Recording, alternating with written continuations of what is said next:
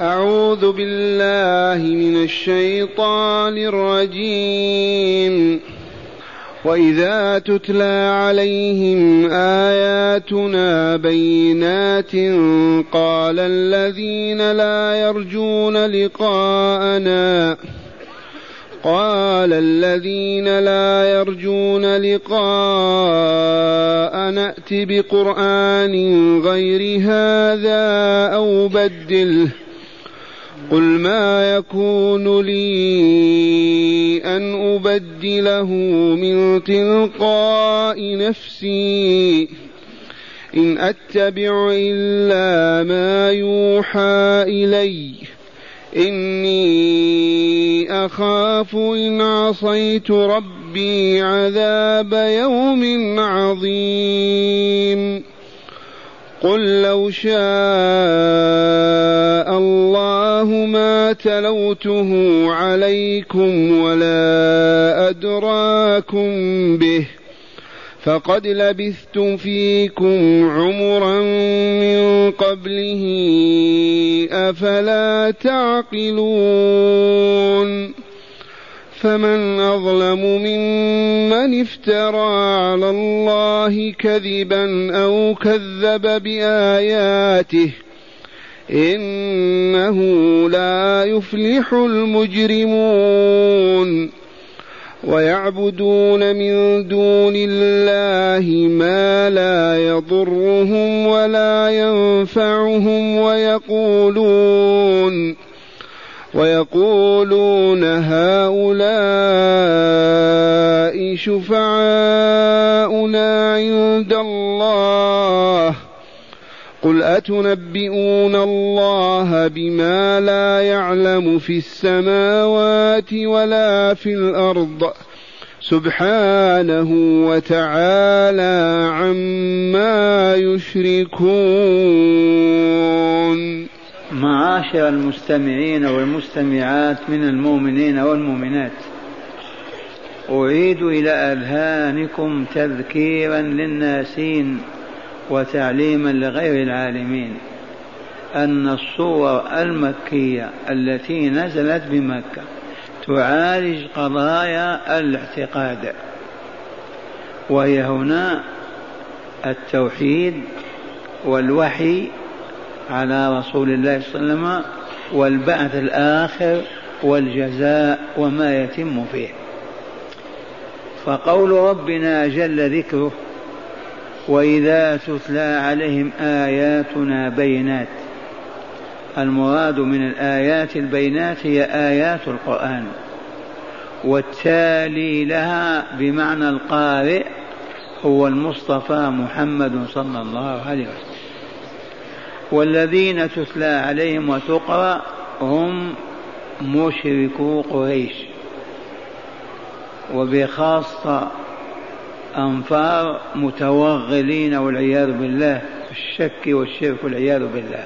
يقول تعالى مخبرا عنهم وإذا تتلى عليهم آياتنا بينات أي واضحة لا لبس فيها ولا غموض دالة على المعنى الذي أنزلت من أجله. قال الذين لا يرجون لقاءنا. تكلم الذين لا يؤمنون بالبعث الآخر. لا يؤمنون بالحياة الثانية. وما يجري فيها من الحساب والجزاء إما بالنعيم المقيم أو بالعذاب الأليم. فهي تقرر الوحي والبعث الآخر. قال الذين لا يرجون لقاءنا ائت بقرآن غير هذا أو بدله. قالوا للرسول صلى الله عليه وسلم إن أردت أن نؤمن بك ونتبعك على ما جئت به ائتنا بقرآن غير هذا الذي فيه سب آلهتنا وشتمهم وانتقاصهم والدعوة إلى عدم الاتباع والمحاربة لهم. أو خل القرآن كما هو وبدل الآيات التي فيها نقد وطعن لآلهتنا كاللات والعزى ومنات وما إلى ذلك بدلها. وليبقى القرآن عندك. هذا اقتراح قدمه عشرة طغاة من أولئك المشركين. اقترحوا على الرسول هذا. إما أن يبدل القرآن بالكلية. أو يبقيه ولكن يحذف الآيات التي فيها انتقاص لآلهتهم وعدم اعتراف بها. هكذا قالوا للرسول والله يحكي قولهم ويقرره في هذا الكتاب.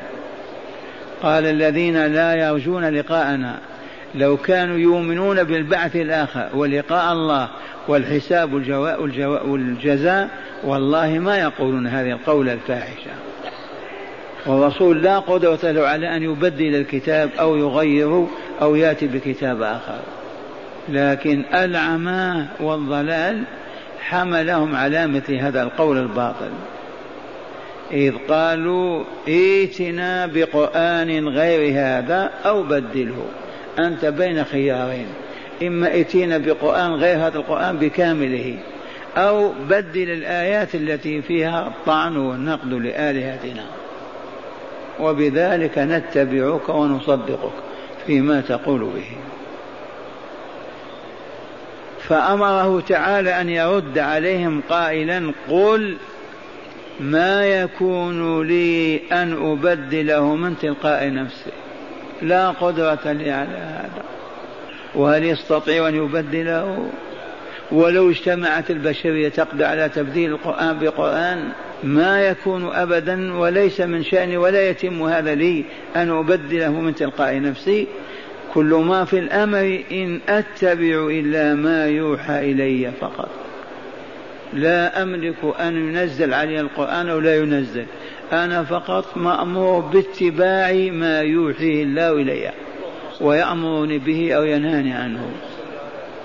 أما أنني أملك هذا التملك أغير وأبدل في كلام الله أو أستبدل بكتاب آخر كالتوراة والإنجيل فهذا ليس من شأني وهو كذلك. إن أتبع أي ما أتبع إلا ما يوحى إلي. من الموحي إليه؟ الله جل وعلا. وعرفنا الوحي الإعلام السريع الخفي. إذا الرسول بين الناس جالس ويتلقى الوحي. إعلام سريع خفي لا يعرفه غير من يوحى إليه. ثم قال إني أخاف إن عصيت ربي عذاب يوم عظيم. أخاف إن عصيت ربي فبدلت كلامه وحرفت كما تحبون وتريدون. أنا أخاف إن عصيت ربي عذاب يوم عظيم ألا وهو عذاب يوم القيامة. وفي هذا الجزء تقرير للبعث الآخر والحياة الثانية والجزاء الذي يتم فيها. إني أخاف إن عصيت ربي خالقي ومالك أمري والمرسل لي والموحي إلي أخاف إن عصيت عذاب يوم عظيم ألا وهو يوم القيامة. يوم تقوم الخليقة من قبورها للحساب ثم الجزاء. ثم أمره تعالى أيضا أن يقول لهم قل لو شاء الله ما تلوت عليكم. لو شاء الله أنني ما أتلو عليكم ما تلوت عليكم. لو شاء الله أنه ما ينزله ما أنزله. لكن شاء الله أن ينزل كتابه وأن يأمرني بقراءته عليكم وتلاوته لتعلموا وتفهموا وتعملوا.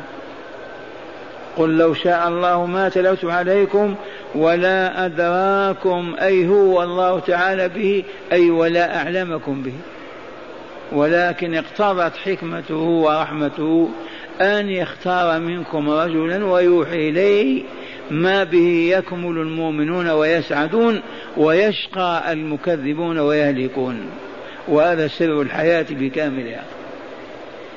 ما علة الحياة الأولى؟ العمل. بما يزكي النفس أو يخبطها ما سر الحياة الثانية؟ لما للجزاء على العمل في الدنيا. قل لو شاء الله ما تلوته أي ما قرأته أي القرآن عليكم ولا أدراكم أي لو شاء الله ما أعلمكم به بالمرة. فقد لبثت فيكم عمرا من قبله. العمر بمعنى الحياة. حياة المرء التي يقضيها تسمى عمر يقصر ويطول. فقد لبثت فيكم هذا البرهن أو التدليل على أنه يتلقى العلم من الله. لا يملك شيئا أبدا إلا ما يعطيه الله عز وجل. فكيف تقول له بدل هذا القرآن بقرآن آخر؟ أو بدل فيه الآيات التي ما توافقنا لأنها تقدح وتسب وتشتم آلهتنا؟ هذا ما يملكه هو. فقد لبثت فيكم عمرا وهو أربعون سنة. إذ عاش صلى الله عليه وسلم أربعين عاما لم يعرف شيئا عن الدين عن الإسلام عن الآخرة ما أوحي إليه بشيء. حتى بلغ الأربعين من عمره وفاجأه الوحي في غار حراء ورأى المنام ستة أشهر والوحي مناما ثم بعد ذلك صار جبريل يأتيه ويوحي إليه. فهل الذي عاش أربعين سنة ما تكلم بوحي ولا قرآن ولا حكمة ولا ولا؟ والآن تقولون افترى وكذب وقال وقال. كل ما في الأمر حقيقة واحدة ثابتة إما في نهوضه وبلوغه أو في الخامسة وثلاثين حادثة معينة. لما جددت قريش بناء الكعبة البيت العتيق وانتهوا في الجدار إلى موضع الحجر الأسود. اختلفوا. من هي القبيلة التي تشرف بأن تتناول الحجر وتضعه في مكانه؟ فتنافسوا في هذا. كل قبيلة تقول نحن أحق بهذا. فاختلفوا وتنازعوا وبقوا ماذا يفعلون؟ البناء متوقف على وضع الحجر ثم يوضع البناء فوقه.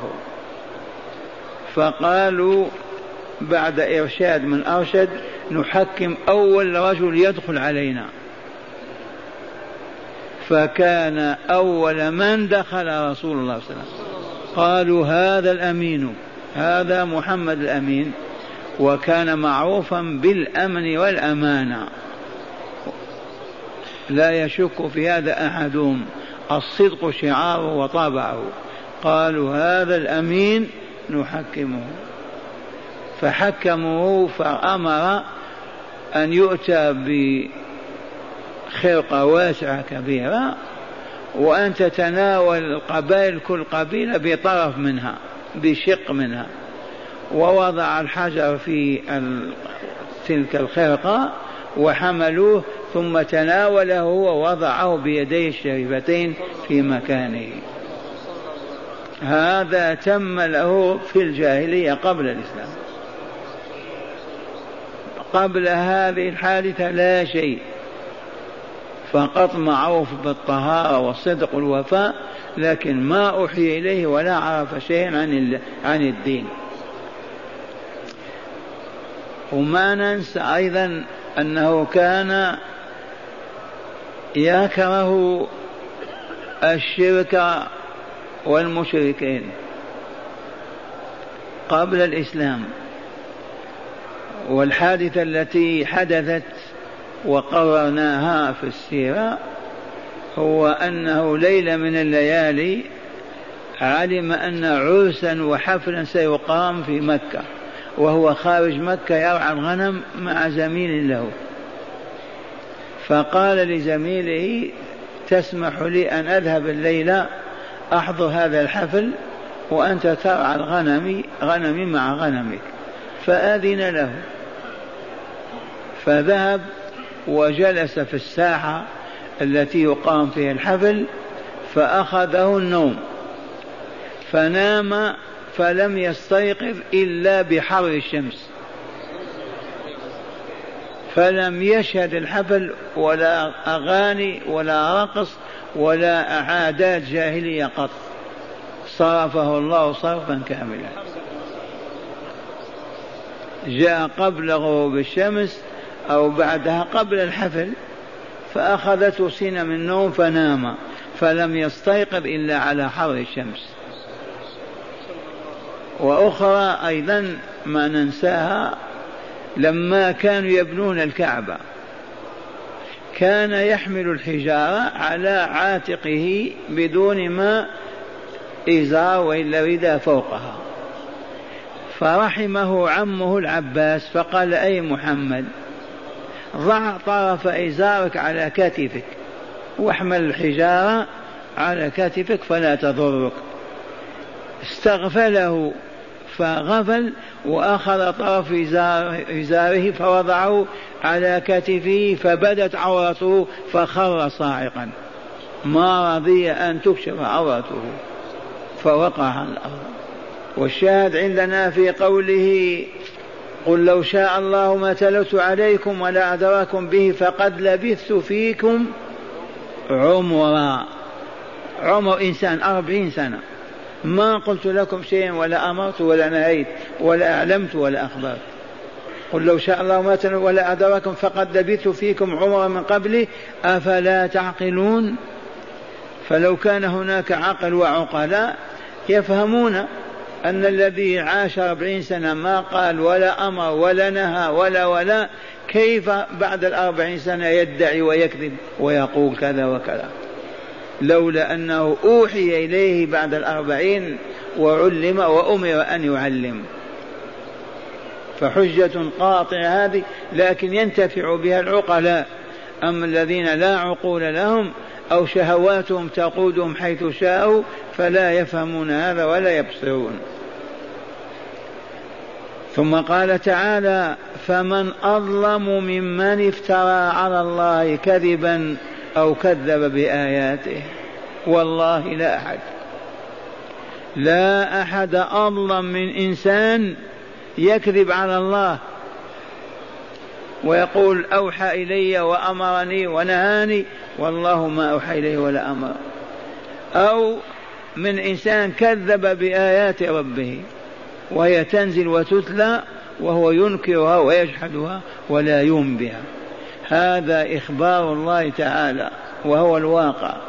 لا أحد أظلم من رجلين.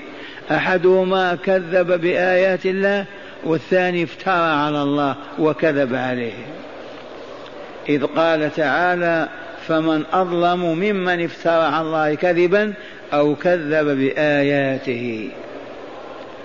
لو قيل لك من أظلم الظالمين الذي كذب بآيات الله والذي افترى وكذب على الله وقال أوحى إلي أو أمرني وهو لم يأمره ولم يوحي إليه.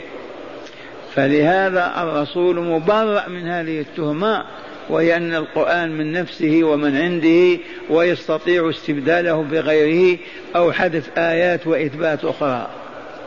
هذه النظرية مردودة من أساسها. ثم قال تعالى إنه لا يفلح المجرمون. من هم المجرمون؟ بيض أم سود؟ عرب أم عجم؟ من هم؟ واحدهم مجرم. أجرم على من؟ على ولده قتله على مال يحرقه أجرم على ما؟ على نفسه. صب عليها أطنان الذنوب والآثام فاسودت وتعفنت وتلطغت وأصبحت مبغوضة لله وملائكته. فصاحبها لن يفلح ولن يفوز ولن يساكن الأبرار في دار السلام وذلك لخبث نفسه. والنفس تخبث بماذا؟ بالبول والخوء. أو بالحمأ والطين تخبث بالذنوب والمعاصي. فالذي يكذب على الله ويقول قال الله أو أمر الله أو نهى الله وحرم الله والله ما فعل هذه الكذبة تلطخ نفسه ويكون قد أجرم على نفسه أشد الإجرام. كالذي يأتيه وحي الله وأمر الله وكلامه فيكذب به ويقول ما نؤمن بهذا خرافة أو ضلال أو ما إلى ذلك. فمن أظلم ممن افترى على الله كذبا أو كذب بآياته إنه لا يفلح المجرمون. اللهم أعذنا من أن نكون من المجرمين. الذين يجرمون على أنفسهم بما يفعلونه من إجرام في الناس يكذبون ويسرقون ويزنون ويقتلون كل ذلك إجرام على أنفسهم. والآية الأخيرة يقول تعالى ويعبدون من دون الله ما لا يضرهم ولا ينفعهم. ويقولون هؤلاء شفعاؤنا عند الله.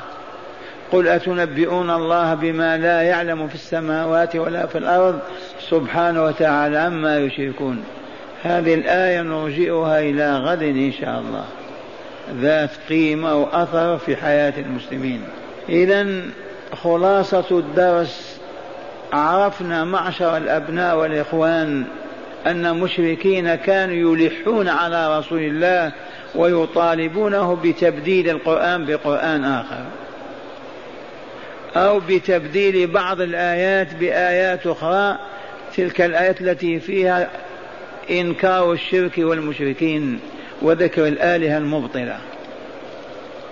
هؤلاء طغاة أهل مكة أهلكهم الله.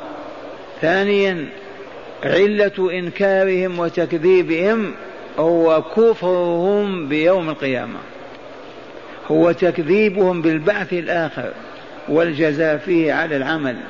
إذ قال تعالى قال الذين لا يرجون لقاءنا. أما الذين يأملون ويرجون لقاء الله والوقوف بين يديه لا يقفون موقف شاء أبدا لا ظلم ولا اعتداء ولا إجرام لا على أنفسهم ولا على غيرهم. ولكن لأنهم مكذبون بيوم القيامة. وهو الركن الخامس من أركان العقيدة الإسلامية. ثم قوله, صل قوله تعالى قل لو شاء الله ما تلوت عليكم ولا أدراكم به هذه حجة تقطع كلامهم وتفصل ما عندهم عن الحق. لما الرسول عاش أربعين سنة معهم ما تكلم بقرآن ولا بوحي ولا أمر ولا نهى. بعد الأربعين سنة يفتري ويكذب ثم يأتي بهذه العلوم والمعارف التي لو تجتمع الخليقة كلها ما أتوا مثلها. قل لو شاء الله ما تلوت عليكم ولا أدراكم به أي ولا أعلمكم الله به. فقد لبثت فيكم عمرا من قبله أفلا تعقلون. وفي الآية تقرير مبدأ أن ذا العقل هو الذي يخاطب بالعلم ويفهم. والذي لا عقل له لأنه فسد أو تملك الشيطان بما زين وحس له من أباطيل فهو لا يعي ولا يفهم. وإلا هذا الكلام كان يصعق أحدهم عند سمائه. وأخيرا عرفنا من أشد الناس ظلما. رجلان أحدهما كذب على الله والثاني كذب الله وكذب بآياته. الظلم كثير والظالمون كثر ولكن أظلمهم رجلان. رجل كذب على الله وقال أحل الله حرم الله أمر الله شرع الله الله وصفه كذا الله يفعل كذا كله كذب على الله. هذا شر الخلق. وآخر كذب بما جاء عن الله فلم يؤمن بآية ولا بكتاب ولا بوحيه وكلما بينت له أمر الله يكرهه. نهيته لا يقبل الانتهاء. وهكذا هذان الرجلان لا أظلم منهما بدليل قوله تعالى فمن أظلم الاستفهام للنفي فمن أظلم ممن افترى على الله كذبا أو كذب بآياته. ثم أخبر تعالى أن هؤلاء من المجرمين والمجرمون لا يفلحون. هل تعرفون الفلاح؟ ما الفلاح؟ يا أهل الحلق ما الفلاح كسبك شاة أو بعيرا؟ نجاحك في امتحاناتك في تجارتك. ما الفلاح؟ الفلاح هو الفوز. قد أفلح من زكاها. أي زكى نفسه أفلح ما معنى أفلح فاز. ما الفوز؟ قال تعالى في بيانه كل نفس ذائقة الموت وإنما توفون أجوركم يوم القيامة. أيتها الشغيلة يا عملاء يا عاملون متى توفون أجوركم؟ يوم القيامة. فلهذا اعملوا ما طاب لكم. من خير أو شر فالجزاء ليس في الدنيا ذي دار عمل العمل بعد الموت. الجزاء بعد الموت. فمن زحزح عن النار وأدخل الجنة فقد فاز. فما الفوز؟ النجاة من النار ودخول الجنة دار الأبرار. فاز فلان من فلان أي نجا من عالم الشقاء وارتقى إلى عالم السعادة واستقر في النعيم المقيم.